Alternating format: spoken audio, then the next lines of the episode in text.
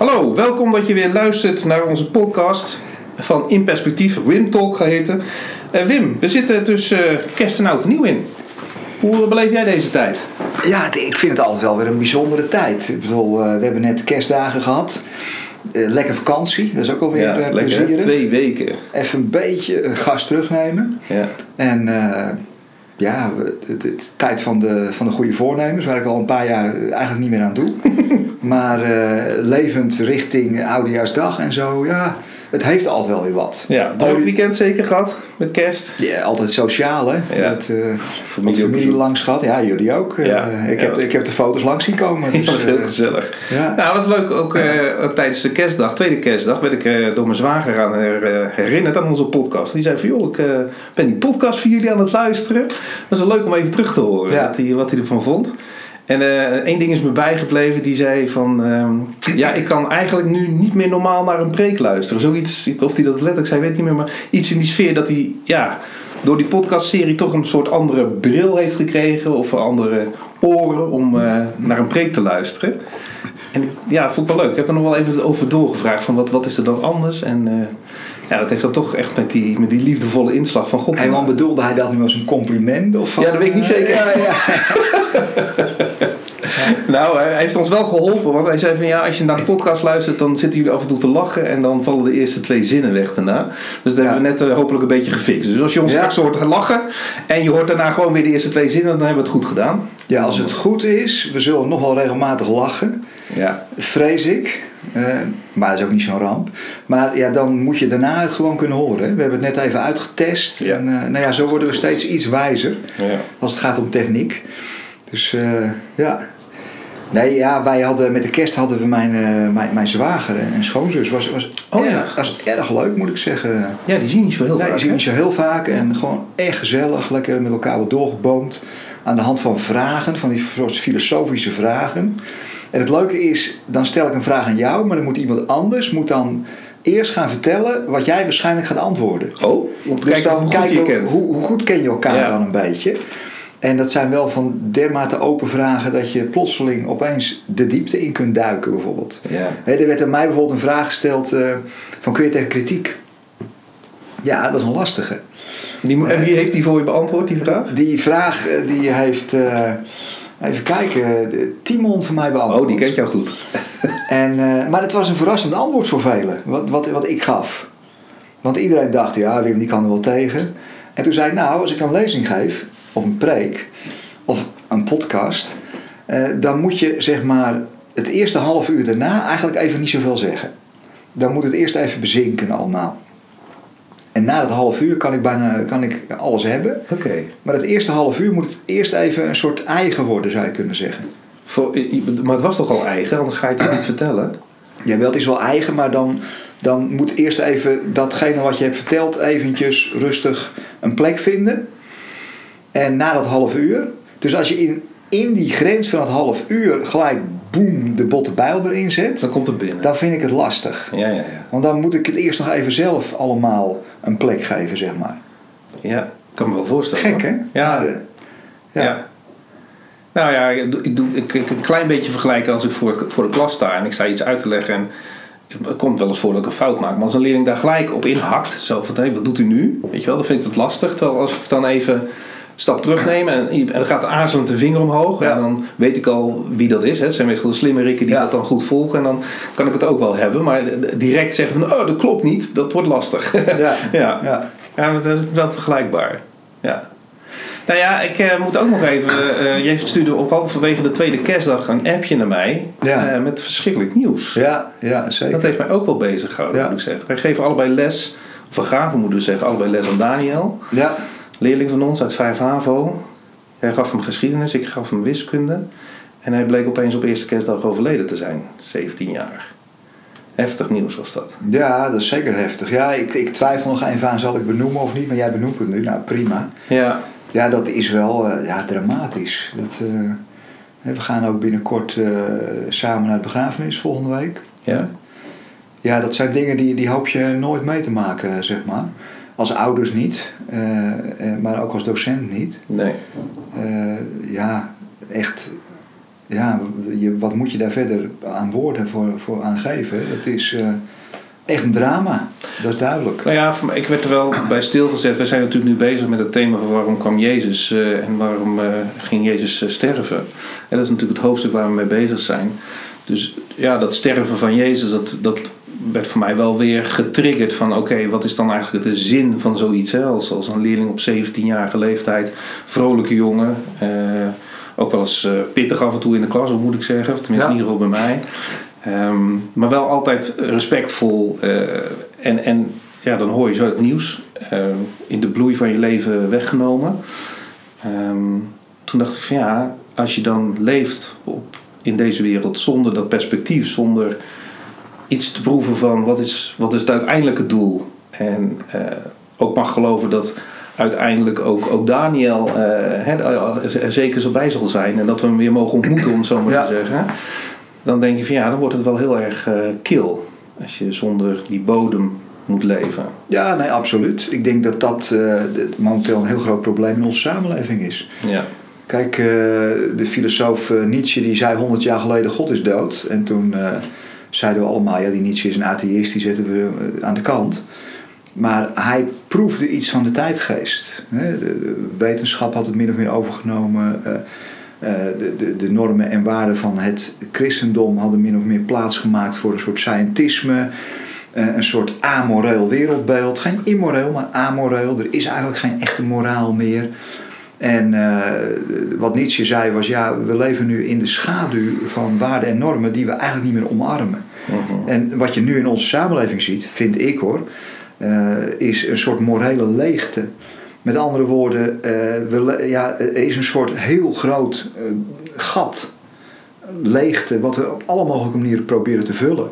Ja, vooral door consumeren. Nou ja, en dat geven ja. onze jongeren ook mee, hè, die, die nou, leegte. En, en, die, die proberen dat ook op hun manier in te vullen. Uh, maar die morele leegte, ja, een betekenisleegte. En uh, dat is misschien wel de grootste crisis die we in onze westerse wereld nu hebben. Ja. En uh, daar hebben we nog geen antwoord op. En ik denk, ja, ik, ik, ik, las eens ergens, die zei van ja, als we daar geen antwoord op hebben en we concluderen met elkaar dat er geen betekenis is en dat er leegte alleen maar is, ja, wat doen we hier dan nog met elkaar? Ja, ja, dan heeft het leven ten diepste geen zin. Het is maar of je er zin in hebt, zeg maar. Of je er zin in kan maken. Dat, nou ja, maar dat zijn pogingen om een antwoord te geven. Ja. Je moet er zelf maar zin in uh, krijgen. Je moet zin maken. Je moet, hè, maar uh, ik denk, als je het hebt over religie en je hebt het over het christendom... Ja, misschien is dat wel een, een enorme uitdaging nu voor wat we kerk noemen. Wat we lichaam van Christus noemen. Maar goed, dat geldt ook voor andere religies. Van wat, is, wat geeft nou werkelijk betekenis aan wat we leven noemen? Ja. En, en, en, en, hoe kan dat echt richting geven aan je leven? He, misschien is dat wel wat, wat een christelijke identiteit van een school ook misschien wel ten diepste zou moeten zijn. Hoe geef je betekenis aan leven? Ja, dat hoop je wel. En tegelijkertijd, en dat komen we straks denk ik ook nog wel in dit hoofdstukbespreking op, zou het wel eens kunnen zijn dat je je daarmee zelf wel een beetje buiten de uh, maatschappelijk dominante denken zet. Hè? Dus dat je een soort, eh, noem maar even, een soort tegenkracht eigenlijk moet zijn ten opzichte van het, het denken wat uit de maatschappij en ook soms wel uit sommige gezinnen komt ja. via ouders of via kinderen op school. Het is best wel een, een uitdaging om dat uh, ja, zeker. te doen. Maar joh, we zitten in een soort red race met elkaar. We zitten elkaar voortdurend op te jagen in zekere zin. Hè? Maar nergens naartoe. Ja ja, dat is toch vrij deprimerend, toch? Ja. Dus, dus ik denk, ja, dat dominante wereldbeeld. Nou ja, ik denk dat het goed is dat, dat je daar alternatieven laat zien. Die, die wel betekenisvol zijn en die wel liefdevol zijn. Ik denk, het beste wat wij onze jongeren kunnen meegeven is dat soort alternatieven. Ja, dat het ten diepste wel zin heeft. Dat dat niet van jou afhangt. Ja. Ja, maar dat je er wel aan, mee mag doen. Hè? Dat je deel mag worden van dat grote verhaal. Maar dat er wel een groot verhaal is. En dat je niet zelf hoeft te verzinnen, zeg maar, in je eigen verhaal. Ja, ja dat, dat we onderdeel uitmaken van, van iets betekenisvol. Ja. Alhoewel we nog zien door een spiegel in raadselen, zoals Paulus ergens zegt. Ik bedoel, heel veel snappen we niet en begrijpen we niet en is moeilijk te matchen. Nou ja, eh, daar hadden we het net over. Ja. Zo'n zo'n dood van Daniel. Nou, ik vind dat heel moeilijk te matchen en heel moeilijk in te passen. En ik denk, uh, als je het probeert, nou dan, dan doe je al snel zoveel dingen tekort dat, je het maar ineens moet proberen. Ja. ja, en toch gaan wij wel proberen nu een betekenis te geven aan de dood van Jezus. Ja, Uh, dus ja, dat is toch onze opdracht nu een beetje om uh, te kijken Ja, naar het tweede deel van dit hoofdstuk. Hè. Hoor, uh, we zijn, nou ja, misschien heb je de vorige podcast ook geluisterd, doe dat vooral. Dan ging het eigenlijk vooral over wat het allemaal niet betekende en wat het niet inhield. Hè. Verzoening door voldoening, om het maar even samen te vatten in deze term. Dat was het dan niet. ja. Maar ja, dan was wel de vraag, en wat denkt de Roor dat het dan wel is, die betekenis? En misschien is het goed om bij, met, de, met de bril van Roor te beginnen. Want hij beschrijft, voordat hij die theologie uit de doeken doet, beschrijft hij een beetje waar hij zelf vandaan komt. Wat eigenlijk zijn bril is en hoe hij kijkt naar ja, God, Jezus en hoe God is. ja. Misschien wil ik daar even beginnen bij, bij die vooronderstelling. Ja, ja dus waarom wel? Hè? Ja. Waarom nou het, het, het leven, lijden, dood van Jezus? Nou ja, hij begint met, met zijn, zijn grote voorbeeld, want hij, hij is een Franciscanen monnik. Uh, Duns Scotus, een beetje de oprichter van de Franciscanen Club zou je kunnen zeggen. Hij leefde in de, in, de, in de 13e eeuw. En die zei over uh, de, de, de, Jezus: Jezus is eigenlijk een vrijwillig gekozen openbaring van de totale liefde van Gods kant. wat was de ouderwetse situatie? Uh, in allerlei natuurgodsdiensten. Mensen uh, die moeten bloed vergieten om in de buurt van God te komen. Dat is de hele offercultus. Uh, nou, hij zegt mensen hoeven geen bloed te vergieten om in de buurt van een veel eisende God te komen. Nee, aan het kruis vergoot God zijn eigen bloed om zich uit te strekken naar ons. Dus het is eigenlijk een totale omkering van de werkelijkheid. In plaats van dat je moet uitstrekken naar God door offers te brengen, strekt God zich naar ons uit door zichzelf aan ons over te geven. En die Duns die zegt dan: het is een, een uiting van Gods stromende liefde. Waarom dan? Om ons hart op te schudden en om ons te laten terugkeren naar een vertrouwen en liefde voor de schepper. Dus wij zijn in een situatie beland waarin we van alles en iedereen zijn gaan wantrouwen. Ja. Misschien zelfs onszelf gaan wantrouwen. Anderen gaan wantrouwen. In een soort concurrentiepositie naar elkaar komen te staan. En uh, ook God zijn gaan wantrouwen. En hij zei nou, dat, dat, dat, Jezus als offer voor ons, als liefdegave voor ons is om dat vertrouwen weer te herstellen. Ja, ja, en wij Naar denken, het gevaar is dat wij dus als mensen denken vanuit dat wantrouwen wat we zelf bedacht hebben, waar we zelf opgekomen zijn, dat we dachten, ja, we moeten dan God weer zorgen dat God ons een beetje vertrouwt. En dat we dus iets opofferen, een beetje in de gunst komen bij God. Door iets op te offeren, door... Uh, uh, ja, nou ja, als je een soort godsbeeld creëert dat, dat God een soort uh, afstandelijke monarch is, een, een soort koning op een hoge troon. Uh, ja, dan probeer je als onderdaan bij die koning in de gunst te komen. Ja. En, en dat doe je uh, ja, door dingen voor die koning te gaan doen. Offers te brengen voor die koning. Ja. Misschien zelfs wel uiteindelijk je leven. Uh, in dienst van de ja, koning. Of het leven van je kind. Of het leven van je kind. Of, of, hè, en, en nou ja, hij zegt van dat beeld... Nee, het is een totale... Het is juist andersom. Die God die stapt van zijn troon af en die wordt mens... En die laat in totale liefde zien wat het betekent om mens te zijn. Uh, en dat leidde uiteindelijk tot zijn dood aan een kruis. Omdat wij dat niet op de een of andere manier konden accepteren en hem eruit zetten. Ja. Uh, ik, ik, geloof Roor zegt uiteindelijk, uh, daar sluit hij een beetje mee af. de kruisiging van Jezus, die we zien als de zoon van God was een vernietigende profetie dat mensen eerder nog God zouden doden dan dat ze zichzelf zouden willen veranderen. Hmm. Uh, maar de God-mens ondergaat onze vrijwillige afwijzing zodat iets groters kan plaatsvinden. Dus, dus, dus Jezus laat zich eigenlijk doden, niet omdat het moest, door een soort goddelijk uh, predict of zo, maar als een, een, een offer van totale liefde naar ons toe. Ja. En totale liefde is kwetsbaar. Want ja, liefde kun je ook niet kopen met een offer. Nee. Uh, daarom is het, is het vrijwillig. En, en daarom is het een, uh, ja, kan die alleen maar ons lief hebben en ons blijven lief hebben. Maar, Ja. maar liefde kan wel harten veranderen. Nou ja, dat is denk ik een belangrijk om straks eens even in te duiken. Maar even die veronderstellingen van Roor zegt hij dus eigenlijk... God is niet gewelddadig, maar, maar wij zijn dat. Ja. Ehm, God eist geen lijden van mensen, maar wij denken vaak dat er lijden vereist is.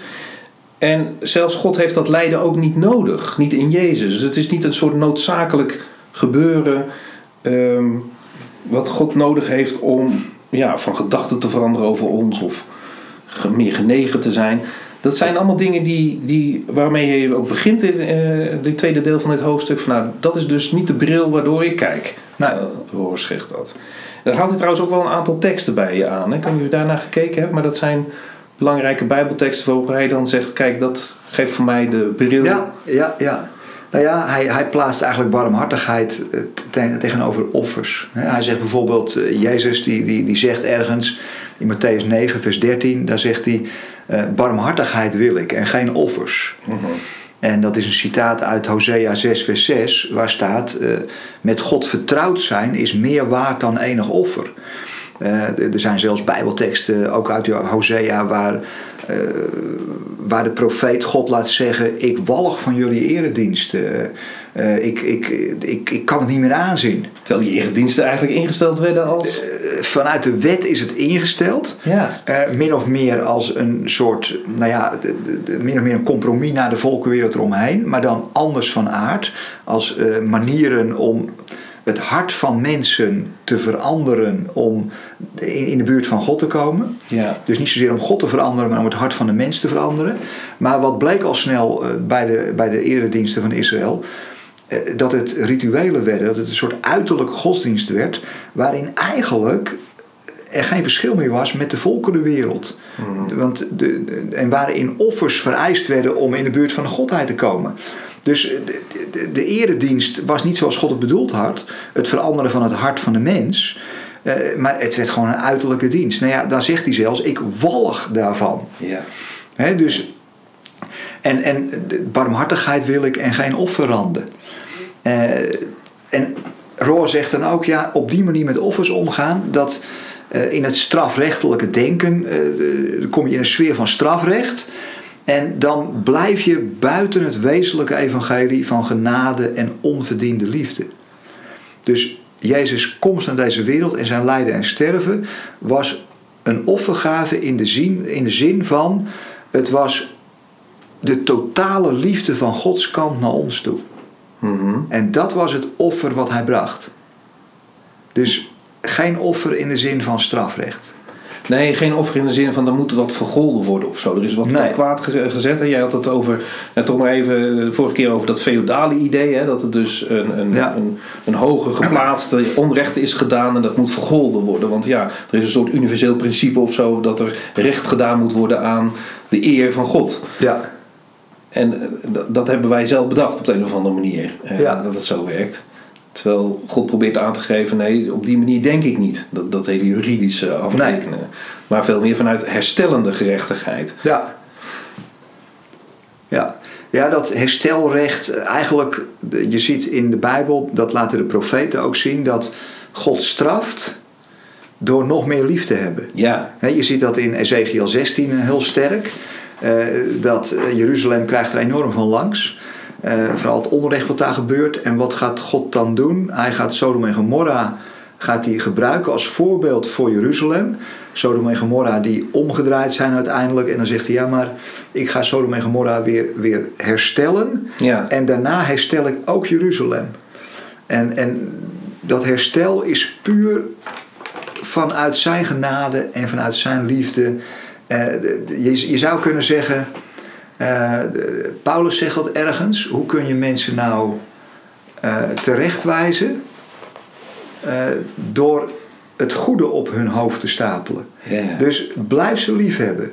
Blijf ze lief hebben. Blijf ze lief hebben. En ja, dan verandert er iets in die mensen. en dat kan, heel, dat, ja, dat kan heel veel irritatie opwekken. Zoveel irritatie dat ze misschien wel boos worden op je. En aan een kruis hangen. Uh, en aan een kruis hangen. Mm want, want liefde is in feite machteloos. Maar liefde is ook het enige wat voor transformatie kan zorgen.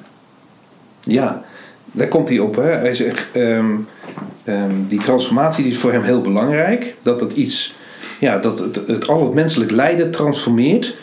Ehm, en dat doet God door zich te, helemaal te identificeren met onze hoedanigheid als mens. En solidair te zijn met ons, schrijft de Roor in dit hoofdstuk. Uh, dat is ook wat jij zegt. Hè? Wat, wat Jezus kwam dus niet, uh, Jezus zegt dat zelf, om, om de wereld te oordelen. Uh, maar om zich te identificeren met ons. Om te laten zien wat het is om totaal mens te zijn. En dat lijden dus te dragen. Ja. Dat lijden is wel een, een, een lastig ding. We hadden het net al even over natuurlijk. dat het een mysterie is waarom het er is. Dat lijden. Ja, kijk, Rol gaat er in dit hoofdstuk niet zozeer op in. Hij constateert dat het een feit is. Wat ik merk bij hem is dat hij lijden vooral koppelt aan uh, de, de, de, vrijheid, yeah. uh, de vrijwilligheid.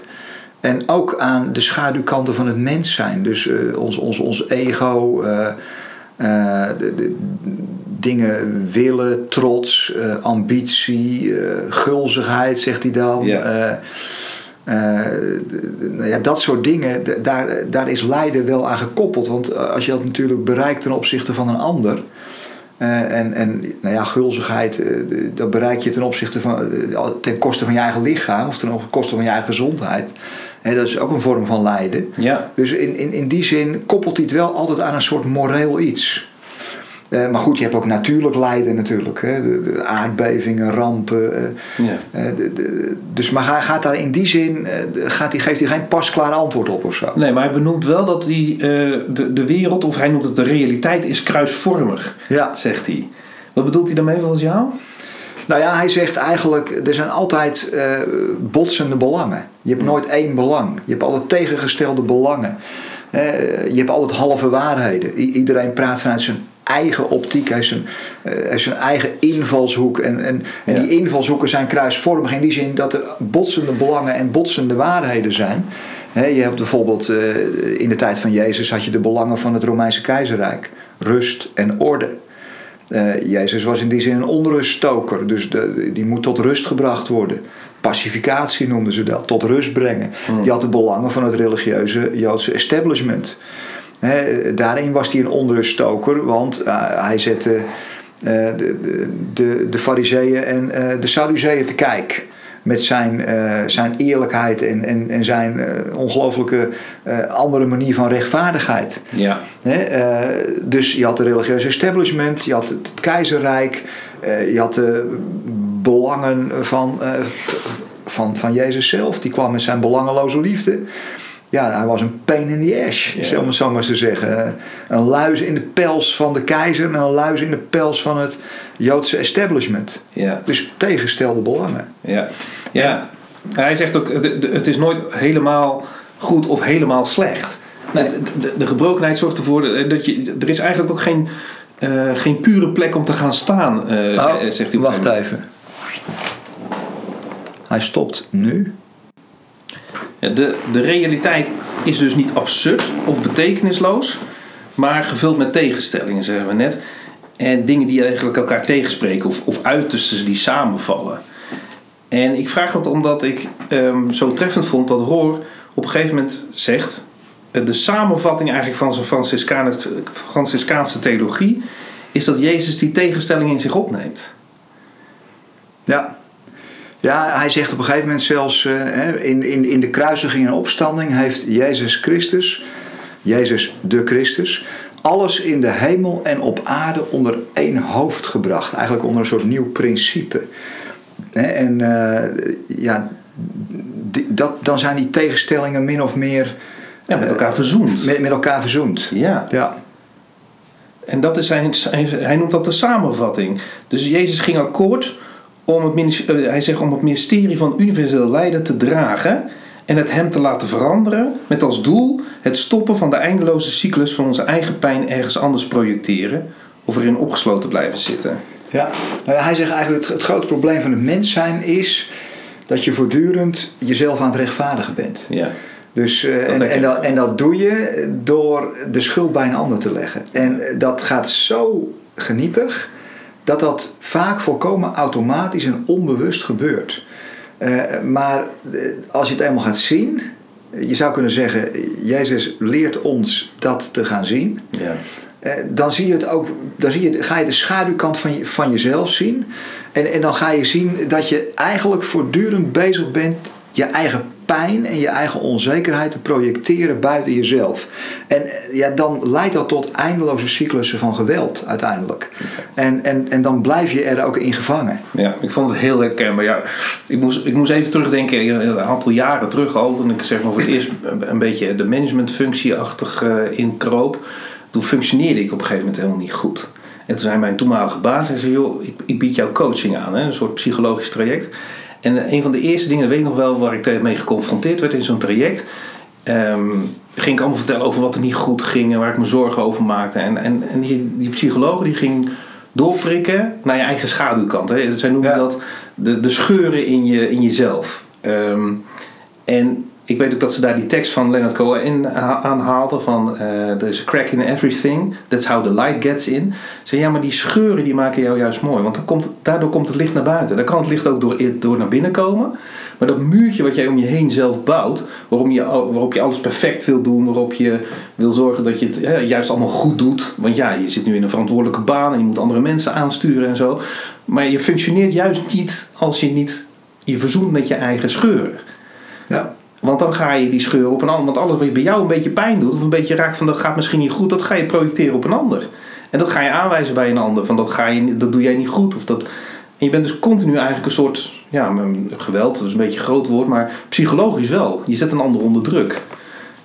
En dat is eigenlijk wat we, zo'n, wat Roor noemt dat ook, hè, de moderne psychologie is daar nu nou ja, met zo'n psycholoog mee bezig. Maar Jezus deed dat 2000 jaar geleden, stelde hij dat al eh, aan de kaak, of legde hij dat eigenlijk bloot dat het op die manier werkt.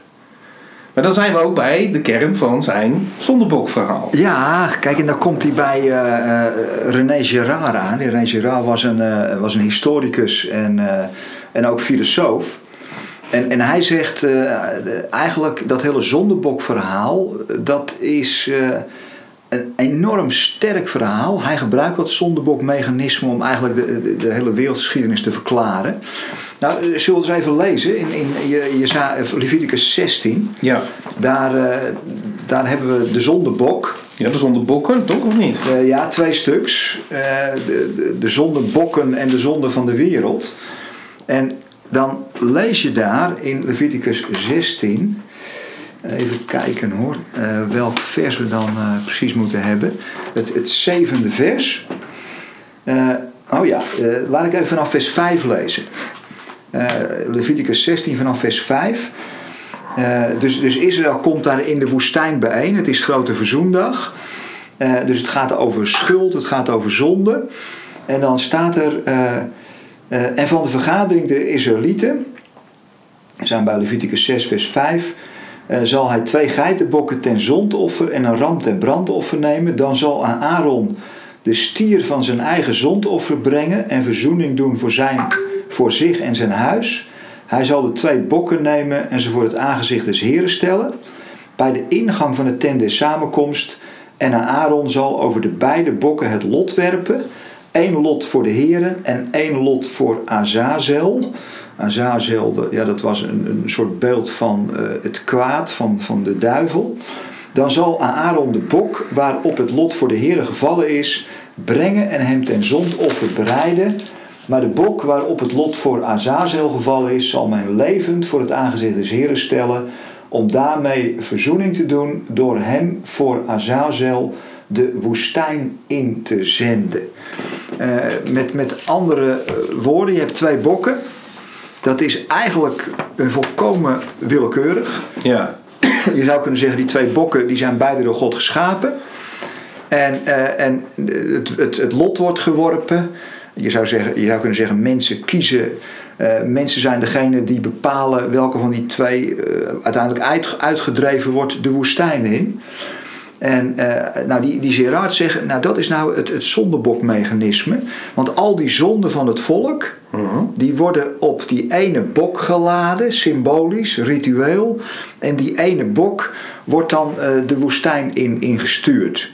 Nou, hij zegt, zo werkt eigenlijk dat zondebokmechanisme in elke cultuur. In elke cultuur zie je uh, dat de schuld die in, onbewust in een cultuur opgesloten zit, die wordt op een soort uh, element buiten de cultuur geworpen. Uh, op de Joden, op uh, vreemde elementen in de cultuur ja, die anders zijn, de vijand. Mm. En zo wordt eigenlijk die schuld als het ware niet in jezelf opgenomen en getransformeerd, maar die wordt daar naar buiten toe gelegd. En vaak op een gewelddadige manier wordt er dan met dat vreemde element in het volk afgerekend. Met degene die het anders zien, of degene die anders zijn, of die, uh, die van een andere cultuur afstammen. De vijand, daar wordt mee afgerekend. En dat versterkt eigenlijk juist weer de sociale groep. Dat versterkt de sociale groep. Alleen het, het werkt tijdelijk. Op een gegeven moment heb je weer een nieuwe vijand nodig. Ja. En heb je weer een nieuwe zondebok nodig. En ja, hij zegt dat is een soort eindeloze cyclus van geweld. Ja. Uh, nou ja, en ja, dat ziet Gerard eigenlijk. Uh, daar heeft hij een paar dikke boeken over geschreven hoor. Uh, maar dat ziet hij eigenlijk in heel veel culturen. Ziet hij dat het op die manier werkt. het, dus hij zegt eigenlijk dat zondebokprincipe, wat je in Leviticus 16 ziet, is het meest effectieve religieuze ritueel dat ooit bedacht is. Want uh, ja, in plaats van in het reinen te komen met onze zonden, kunnen we ze via dat ritueel buiten onszelf leggen. In dit geval op een onschuldig dier. En uh, ja, dat is een beetje het onbewuste, uh, wat jij net al zei, wat ook voor onszelf heel duidelijk zo werkt. Het plaatsen van onze schuld op iets of iemand anders. En ja, we doen dat door die ander uit te kiezen, vaak ook onbewust en te onderwerpen aan een onverdiende negatieve behandeling. Ja. zoals je wel eens totaal kunt uitleven op, uh, nou ja, uh, op iemand waarop je boos wordt, terwijl je eigenlijk ten diepste boos bent op jezelf. Ja, ja. en, uh, maar waarom komt God daar dan aan tegemoet door zo'n ritueel in te stellen? Want het is toch eigenlijk niet, het, transformeert je niet. Je kan je, je schuld lekker op een ander gooien en, en, en jezelf rechtvaardigen eigenlijk bij spreken. Dus waarom stelt God dan zo'n ritueel in waarin dat dan zo overduidelijk oké is om een soort grote verzoen. Nou ja, je zegt het, het is grote verzoendag, maar je wordt verzoend door de schuld op een ander, op een bok in dit geval te kunnen gooien. En dan komt er zo'n generaal pardon voor het volk. Ja, maar ik, ik denk dat je wat je anders moet zien. Ik denk dat, dat Gerard laat zien, eh, door, Genesis, door Leviticus 16 aan te halen dat het eigenlijk een, een, een zeer menselijk iets is, maar dat het eigenlijk iets absurds is. Hmm. Dus uh, hij laat de dwaasheid ervan zien. Van, van dat systeem van zondebokken. Tegelijkertijd is het natuurlijk een perfect hoe dit religieus wordt toegepast. Want zo weet je op een on, redelijk onschuldige manier weet je dat geweld toch uit te bannen. Dus met andere woorden, eh, het, het, is een redelijk onschuldige manier om op deze manier het geweld uit te bannen. Ja, Veel beter. elkaar de hersens niet, maar die ene bok alleen. Ja, ja, ja. Dus, dus eh, nou ja, dat is wel weer subliem bedacht. Alleen het is, daarom zegt de Bijbel ook, het is een soort bedekking, want het is geen oplossing. Nee. Je, je maskeert een probleem, maar je lost het probleem niet op. Het is, het is, uh, dus in, in die zin, uh, ja, hoe kun je het probleem dan wel oplossen? Nou ja, door, door in die schaduwkanten te gaan kijken en, en, en door het te gaan erkennen. Ja, en, en wat is dan de relatie met Jezus? Want je zou dus kunnen zeggen, dit is een voorafschaduwing van wat zou komen. En Jezus kwam als lam van God, als dat bokje. Um, en ja, is dat dan het idee dat het oké is dat we alle zonden op Jezus eh, gooien en dat Jezus dus voor ons gekruisigd is en, en net als die zondebok uh, alle zonden draagt? Is dat het idee? Uh, nee, dat is niet het idee. Uh, want dan kom je weer in een soort transactiegevoel. Ja. Nee, het, het idee is juist totaal anders. Het, het idee is dat, ja, kijk, op een gegeven moment zegt Roar: zonde kan alleen overwonnen worden door een lam door een geweldloze actie. En niet door een leeuw.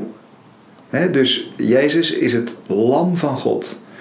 Uh, hij was onschuldig. Hij was geweldloos. Hij reageerde uh, ja, met het, het geweld wat hem werd aangedaan. Want hij werd als een soort zondebok gezien door de Romeinse autoriteiten, door het religieuze establishment, werd hij, werd hij min of meer als een soort zondebok naar voren geschoven. Ook door Pilatus. Dus- Die zei van ja, ik kan geen schuld in hem zien, maar ja, jullie willen hem. Eh, dus nou ja, vooruit dan maar. Eh, de- op een gegeven moment zegt zelfs een van, de, ze- zegt een van de priesters, of misschien is de hoge priester, het is beter dat één mens onschuldig sterft. eh, dan dat wij ellende krijgen met die Romeinen. Dus is aan alle kanten wordt hij als een soort zondebok naar voren geschoven. Eh, en hij laat dat vrijwillig gebeuren als een uiting van totale liefde. Eh, want ja, Raw zegt: stel je nou eens voor dat er een leeuw van God zou zijn. En dat je de illusie had dat je de macht van dat zondebokprincipe. Wat Roor zegt, misschien is dat wel de zonde van de wereld. Dat we altijd onze schuld en onze onmacht projecteren op andere groepen. Eh, en, en die andere groepen vervolgens eh, gaan opofferen of geweld aandoen. Eh, ja, als je, je, je moet niet de illusie hebben dat je de macht van het zondebokprincipe, zoals de wereld in elkaar zit, met een gelijksoortige macht zou kunnen oplossen. Dus stel je nou eens voor dat Jezus had gezegd van wacht even, ik ben geen lam, ik ga die engelen roepen, ik ga vechten tegen die Romeinen, ik ga vechten tegen het establishment en ik ga ze overwinnen. Mm. Dan heb je eigenlijk dat zondebokprincipe overwonnen door een gelijksoortige macht. Je bent sterker eh, dan dat zondebokprincipe. Nou ja, dan heb je het probleem alleen maar verdubbeld. Ja, dan heb je geweld gerechtvaardigd. Eh, Ja, dan heb je eigenlijk geweld gerechtvaardigd door ander geweld. ja. En, en ik denk wat de kracht is van Jezus als lam, is dat hij eigenlijk dat zondebokmechanisme op zeer pijnlijke wijze aan de kaak stelt. Dus eh, door zelf zonde te worden, door, door zich vrijwillig daaraan over te geven, maar wel volstrekt onschuldig te zijn, laat hij eigenlijk ja, het, het kwaad zien van dat Hij zondebokmechanisme legt het op helemaal bloot. zichzelf. Hij legt het volledig bloot en maakt er daardoor voor goed een einde aan. Hij neemt het geweld in zich op. Hij neemt het, eigenlijk het geweld in zich op, hij neemt dat hele mechanisme in zich op en daarmee verklaart hij het ook definitief ten einde. Ja. Dus het is niet zo dat hij het rechtvaardigt. Nee, hij ontmaskert het en hij maakt er eigenlijk een eind aan in hem. Dat is, dat, is, ehm, dat is ook wel een beetje spannend als het dan gaat over Jezus navolgen. Als je, als je zo Jezus ziet als degene die dat in zich opneemt en het hem laat gebeuren. En je wil jezelf christen noemen. Eh, in plaats van dat het dus het op neerkomt van ik moet het juiste denken en het juiste geloven en het juiste eh, beeld hebben. Hè, dat, dat, gaat het dus over kun je op die manier zoals Jezus mens was ook omgaan met de tegenstellingen. En het dus eigenlijk ja, roept bijna op dat je bijna slachtoffer bent van, van tegenstellingen in deze wereld. Van, van het lijden wat er is. Dat je dat geweldloos. Het, ik krijg er een beetje een gevoel bij van ja, moeten we allemaal Gandhi worden dan? Eh, eh, de- want die noemt hij ook als, als naam. Eh, dat soort voorbeelden roept hij dan op. Van kijk, dat zijn ook mensen die het op die manier deden. Denk jij dat dat zijn punt is? Ja, ik denk dat het wel zijn punt is. Eh, en, en eigenlijk zijn er natuurlijk wel, wel, wel bijbelteksten die die kant op wijzen, maar die we altijd een beetje, nou ja, misschien over het hoofd gezien hebben. En neem bijvoorbeeld een tekst als deze, waar, waar Paulus mee begint in 2 Korinthe 1. Eh, want gelijk het lijden van Christus overvloedig over ons komt, zo valt ons door Christus ook overvloedig vertroosting ten deel. Dus hij heeft het daar over het lijden van Christus, wat overvloedig over ons komt.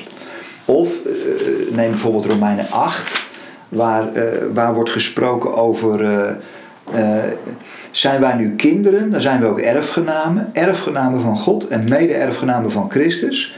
Immers, indien wij delen in zijn lijden, is dat ook om te delen in zijn verheerlijking. Met andere woorden, ik denk als je dat hele zondebokprincipe, als je dat gaat ontmaskeren, zoals Jezus dat eigenlijk als onschuldig lam ontmaskerd heeft, ja, dan is dat eerst lijden in de zin van dat je je eigen schaduwkant gaat erkennen. Mhm. Dat je gaat zeggen van ja, maar wacht eens even, ik, je, wordt, je moet barmhartig worden voor jezelf. Misschien dat daarom de geboden ook beginnen met uh, heb God lief als, je, als, je, als jezelf. Of uh, je naaste als jezelf lief hebben. Dus leren jezelf lief te hebben. Leren je schaduwkant, je, je schaduwkant lief te hebben. Ja. Nou ja, dat is wat, wat die psychotherapeut tegen ook zei. Heb die schaduwkant in jezelf lief. Ja. Nou, Jezus riep daar al toe op 2000 jaar geleden. Ja. heb die schaduwkant in jezelf lief, dat is één. Maar tegelijkertijd, ja, als je omarm de wereld met haar schaduwkanten. Ja. Misschien is dat wel het lijden van Christus. Mee, meelijden met het lijden van Christus. En, en, en ja, je moet ook denken wat, wat Jezus aan het kruis zei. Waar hij zei van vader, uh, ze weten niet wat ze doen. Vergeef het hun, ja. Vergeef het hun, want ze weten niet wat ze doen. Mm -hmm. veel van, dat, dat was het ultieme zondebokmechanisme wat op dat moment plaatsvond. Uh, Jezus was de boosdoener, want hij veroorzaakte onrust, nou ja, noem maar op. En, en Jezus geeft als antwoord: Vader, vergeef het ze, want ze weten niet wat ze aan het doen zijn. Ja. Ik denk veel van dat hele zonbokmechanisme werkt alleen omdat het onbewust is. Omdat mensen het echt niet idee hebben wat ze aan het doen zijn. Ik werd ook zo getroffen door dat Roor zegt: Kijk, um, Jezus vertrouwde God dus op, op zo'n niveau dat hij zichzelf niet hoeft te rechtvaardigen. He, wat jij zei, van hij hoefde niet die engelen van de hemel te komen om ze zijn les te leren. Uh, hij, hij, hij bleef daarvan weg. En ja, je hebt ook wel eens eerder gezegd, dat is ook omdat we dus gered zijn door het geloof van Jezus. Jezus geloofde, vertrouwde God zo dat hij die weg kon gaan. Ja. En dat we gered zijn door het geloof, niet, niet ons geloof in Jezus, maar het geloof van Jezus in zijn Vader. Dat, dat, dat hij zichzelf niet hoefde te redden, bij wijze van spreken, of zichzelf te hoefde te rechtvaardigen, maar dat hij dat zou worden door zijn Vader Ja. gerechtvaardigd. Ja, het ultieme vertrouwen van Jezus, eh, ook in ons. Ja. Hè? Ja, nee, absoluut. En wat bedoel je ook in ons? Nou ja, kijk, Jezus die, die, die gaat ons voor. Hè? Jezus noemt ons ook eh, broeders eh, en vrienden. Eh, maar hij heeft vertrouwen in, in ons in die zin dat hij, hij gaat het ons voor in zijn vertrouwen naar de Vader. In dat kruisvormige lijden. Maar hij heeft ook vertrouwen in ons. Want de, de, hij, de- hij, hij wil ons oproepen om zijn navolgers te zijn. En hij vertrouwt hij- dat we dat gaan doen. Hij vertrouwt dat we dat ook kunnen doen.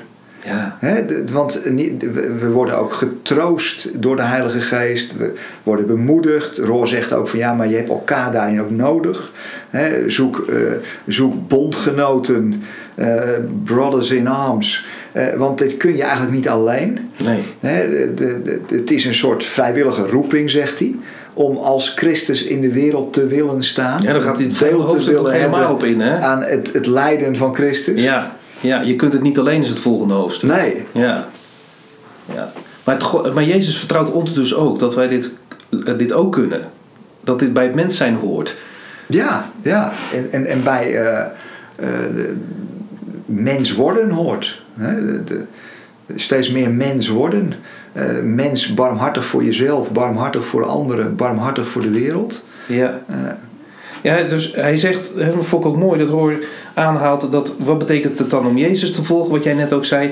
Dat betekent dat je stopt met het ontkennen van je eigen schaduwen en het projecteren van, van, van je schaduw op anderen. Maar dat je dus accepteert wat je diepste identiteit is in solidariteit met de wereld. ja. ja, ik denk, dat vind, ik vind dat je dat heel mooi zegt. Hij zegt ook ergens, Jezus kwam om die, die zonde van het zondebokmechanisme weg te nemen. Door de leugen voor iedereen zichtbaar te ontmaskeren. Hmm. Hij was zo onschuldig. En hij was zo totaal liefdevol en zo belangeloos liefdevol. Ja. eh, dat, dat, ja, dat het zo duidelijk was dat dit een leugen was, dit zondebokmechanisme. En, en, en dat, is een, dat is een ontmaskering. Het is ook wel mooi dat in Johannes 16, vers 8 staat: Wanneer hij komt, zal hij de wereld duidelijk maken wat zonde, gerechtigheid en oordeel is. Eh, Want dat zondebokmechanisme zit er zo diep in Mhm. dat we het eigenlijk geen eens zien. En eh, hij zegt ook van ja, wat is nou een christen? Een christen is iemand eigenlijk die het ziet. Die ontwaakt is. Die, die ziet hoe het werkt, dat zondebokmechanisme. Eh, en, en, en die het dus ook bij anderen kan ontmaskeren. Ja. En eh, alleen, eh, ja, dat is wel een pijnlijk gebeuren. Want als je het bij anderen ontmaskert, dan kan het wel zijn dat het op jouzelf. Dat jij de zonnebok wordt. dat jij de zondebok wordt. Ja. En dat is dat, dat is dat lijden van Christus. Ja. Want wat ga je dan doen? Ja. Ga je dan terugslaan met een nog grotere macht? Ga je jezelf Ga je rechtvaardigen? organiseren? Ga je jezelf rechtvaardigen? Ja. Of eh, ga je het in solidariteit in je opnemen? Dat is heftig. Blijf je liefdevol? Ja. En, en blijf je warmhartig, ook voor die ander? Ja. Ja, dat is lijden, Ja. Kun je wel stellen. ten diepste.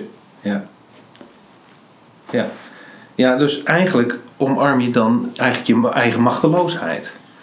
De, de, de machteloosheid van God, je had het in de kerstpreek nog over. Ja, Dat dat zo sterk is. Dat God dus niet met macht en met kracht zorgt dat mensen gaan buigen. ja, Maar dat hij die machteloosheid gebruikt om ja, eh, tot zijn doel te komen. je wordt zo'n wachtende vader. In die, in die gelijkenis met, met die zoon. Eh, Terwijl die zoon echt geen idee heeft wat hij allemaal aan het doen is. Nee. En dan zegt Jezus, ja, ze weten niet wat ze aan het doen zijn. Vader, vergeef ze maar, want ze weten het gewoon niet. Eh, maar dat is wel machteloos. Je zou... eh, Maar ik denk, ja, Roor zegt ook, en dat is natuurlijk wel de tragiek van, van het, de christen, het christendom, maar ook van andere religies. eh, ja, het meeste geweld is vaak veroorzaakt door mensen die een hoger doel zagen, ook het christendom. Ja. En en ja, alles is gerechtvaardigd om dat doel te bereiken. Dus eh, mensen gedwongen bekeren, de, de volken kerstenen met de meest, op de meest gewelddadige manieren. Alles in de naam van God. Het meeste geweld, en dat is ook vaak de kritiek op natuurlijk religies, is veroorzaakt door religies. Ja. En ja, dat is niet alleen maar geweld met het zwaard, maar ook, ook morele druk of buitensluiting. Intimidatie in alle mogelijke Ja. manieren. dreiging in de kerk met, Ja. met, met hel en verdoemenis, om, Ja. hem even bij naam te noemen. Dat zijn natuurlijk best wel ernstige dingen die gebeuren in de kerk. Om mensen op die manier ja, Absoluut. de goede kant op te dwingen of zo. Absoluut. En dan zegt Roor, ja, wat is het antwoord? Ja, God redt door machteloosheid, door liefde, door eh, totale liefde. Maar hij zegt dat is ook, het een, dat is ook de enige manier waarom je tot, waardoor, waardoor je tot transformatie, tot verandering kunt komen. Hmm. Kijk, uiterlijke godsdienst, uiterlijke ideologieën kunnen alleen maar iemand aan de buitenkant veranderen. Eh, of, je moet, ja, of, of iemand hersens spoelen, dus je maakt een soort robot van iemand. Maar alleen machteloze liefde kan iemand van binnen veranderen. En ja, uiteindelijk wil je een universum waarin die machteloze liefde, waarin die transformatie volledig is geworden. En, en waarin er dus een, een soort liefdesrelatie is ontstaan, een vrijwillige liefdesrelatie tussen mensen onderling en, en, en tussen eh, God. Dat is wat Gods doel is. Dat denk ik wel. Ja. Eh, uiteindelijk is die goddelijke dans is een vrijwillige liefdesdans die uiteindelijk dit hele universum zal gaan vervullen. En, en misschien nog wel andere universa of zo. Ik weet niet of hij nog meer plannen heeft, maar eh, dat gaat een beetje boven onze intellectuele pet. Het is trouwens wel mooi dat hij ook zegt van, eh, ja, waar ga je dat nu aan merken? Hè, wat betekent het dan om Jezus te volgen? En, en dan zegt hij, ik geloof dat we uitgenodigd worden om te staren naar het beeld van de gekruisigde Jezus. Om zo onze harten te verzachten voor al het lijden om ons heen. En ons te helpen zien hoe we zelf, gebeten door haat en geweld, en te weten dat Gods hart naar ons altijd zacht is geweest. En als we onze blik omkeren naar deze goddelijke waarheid, als we onze vele manieren waarop we zondebokken aanwijzen en onszelf rechtvaardigen achter ons laten, dan levert dat ons een compassie op voor onszelf en voor alle anderen die lijden. En dat gebeurt grotendeels op een onbewust en psych- psychologisch niveau. Dat vind ik ook wel mooi. Het is niet zozeer dat we allerlei andere leren over aan te hangen. Roor zegt, je hebt eigenlijk maar één leer nodig over God. Namelijk de leer dat hij onvoorwaardelijke liefde is. Dat hij altijd liefde is. En dan niet dat hij lief is of aardig is, maar dat hij altijd liefdevol is. Dat is eigenlijk het enige wat wel de basis moet zijn. Want anders durf je jezelf ook nooit aan dit absurde toe te vertrouwen. Ja. Ja. Het vergt echt een vernieuwing van je denken, hè, zoals Paulus dat zegt. Dat je eh, dat je gelooft dat Jezus niet kwam om, om God van gedachten te veranderen, maar om ons van gedachten te laten veranderen. Ja. Dat we God als een, als een vijand gaan zijn gaan wantrouwen, wat je zegt, maar ook onszelf zijn gaan wantrouwen. Eh, Roor zegt zelfs om eh, onze gedachten te veranderen over wat werkelijk goed en kwaad is. Want dat zijn we ook eh, gaan ver- ver- ja, verstoord gaan zien, zeg maar, in de gebrokenheid. Ja. Dat we ons eigen, ons eigen kwaad projecteren op een ander. Hè? Onze eigen fouten haten in de ander. Dat is wat we vaak doen. Ja, en, en ook eh, dat we het idee hebben dat, dat omdat we het projecteren op een ander, dat we zelf al moreel juist zijn. Alsof dat zou kunnen. Ja, dus we hebben ook een soort zelfbeeld gecreëerd van onszelf dat wij zijn de good guys en de anderen zijn altijd bad guys. Ja. En, en eigenlijk ja, zit dat allemaal in jezelf. Ja. Die tegenstelde belangen zitten ook in jezelf. En als je die schaduwkanten van jezelf gaat zien, ja, dan kun je ook barmhartiger zijn voor een ander. Mooi. Hij sluit af met een, eh, een les. Hij zegt: God is de ultieme eh, geweldlozer. Die, ehm, en dat betekent dat er geen enkele theorie mag zijn of eh, geaccepteerd moet worden die dus gebaseerd kan zijn op, op geweld of op buitensluiten of op sociale druk of die morele dwang die we in de kerk ook wel eens horen van nee, je moet eh, wel een beetje netjes leven of je moet heilig leven of Ja. Ehm, want anders legitimeer je deze dingen als een soort basis voor, voor je manier van leven. ja, anders zit je weer in het zondeboekmechanisme. Ja.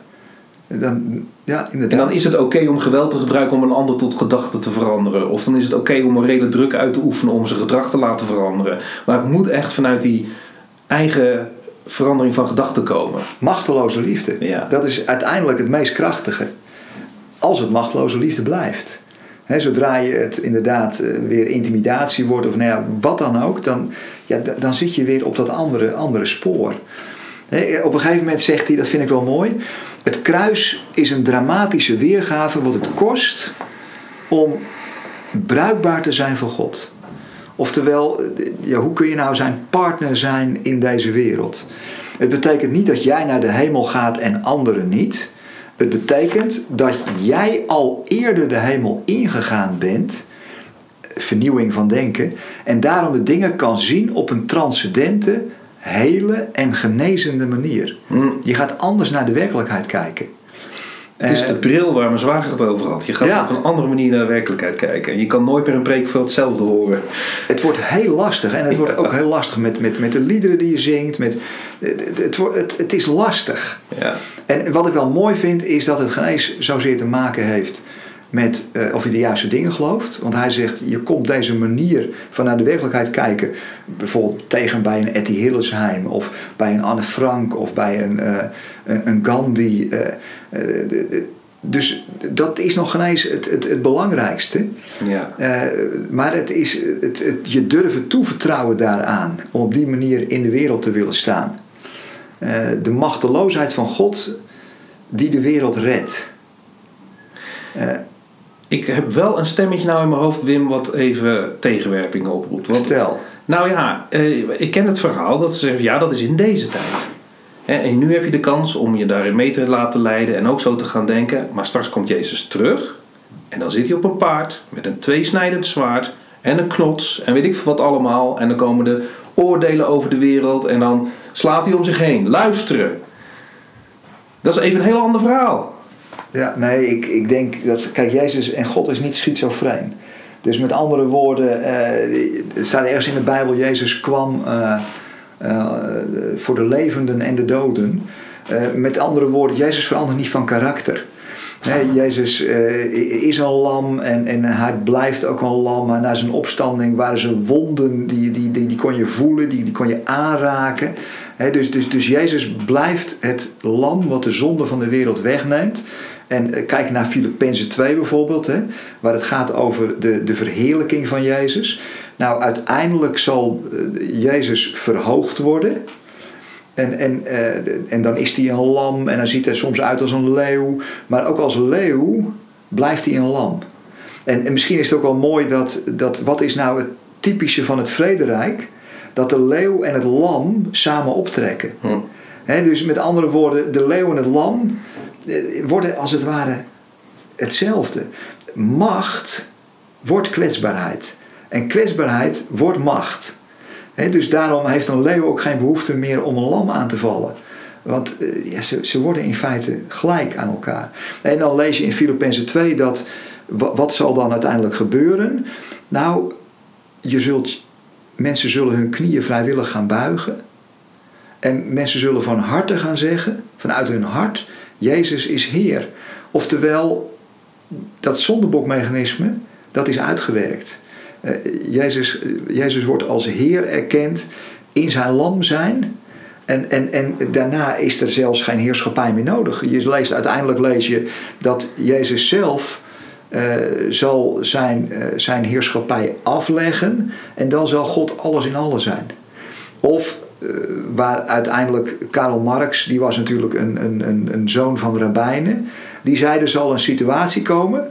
Maar hij, hij vatte dat seculier op. Eigenlijk was het heel messiaans wat hij beweerde. Uh, hij zei er zal een situatie komen waarin er geen gezag meer nodig is, waarin geen heerschappij meer nodig is, want dan zal alles van iedereen zijn. Mm. Nou, de Bijbel zegt in 1 Korinthe 15: God zal alles in allen zijn. Dus met andere woorden, dan, dan is die volstrekte, belangeloze liefde, die, die heeft zijn werk gedaan. En, en dan zijn we er allemaal in meegegaan. Ook, ook als Jezus dus terugkomt straks, moeten we niet denken aan uh, dat plaatje wat ik net schetste, maar nog steeds diezelfde Jezus die vanuit liefde ja, de zeker. Maar vanuit liefde, dus met andere woorden, stel je nou eens voor dat jij daar nog helemaal niet aan toe bent.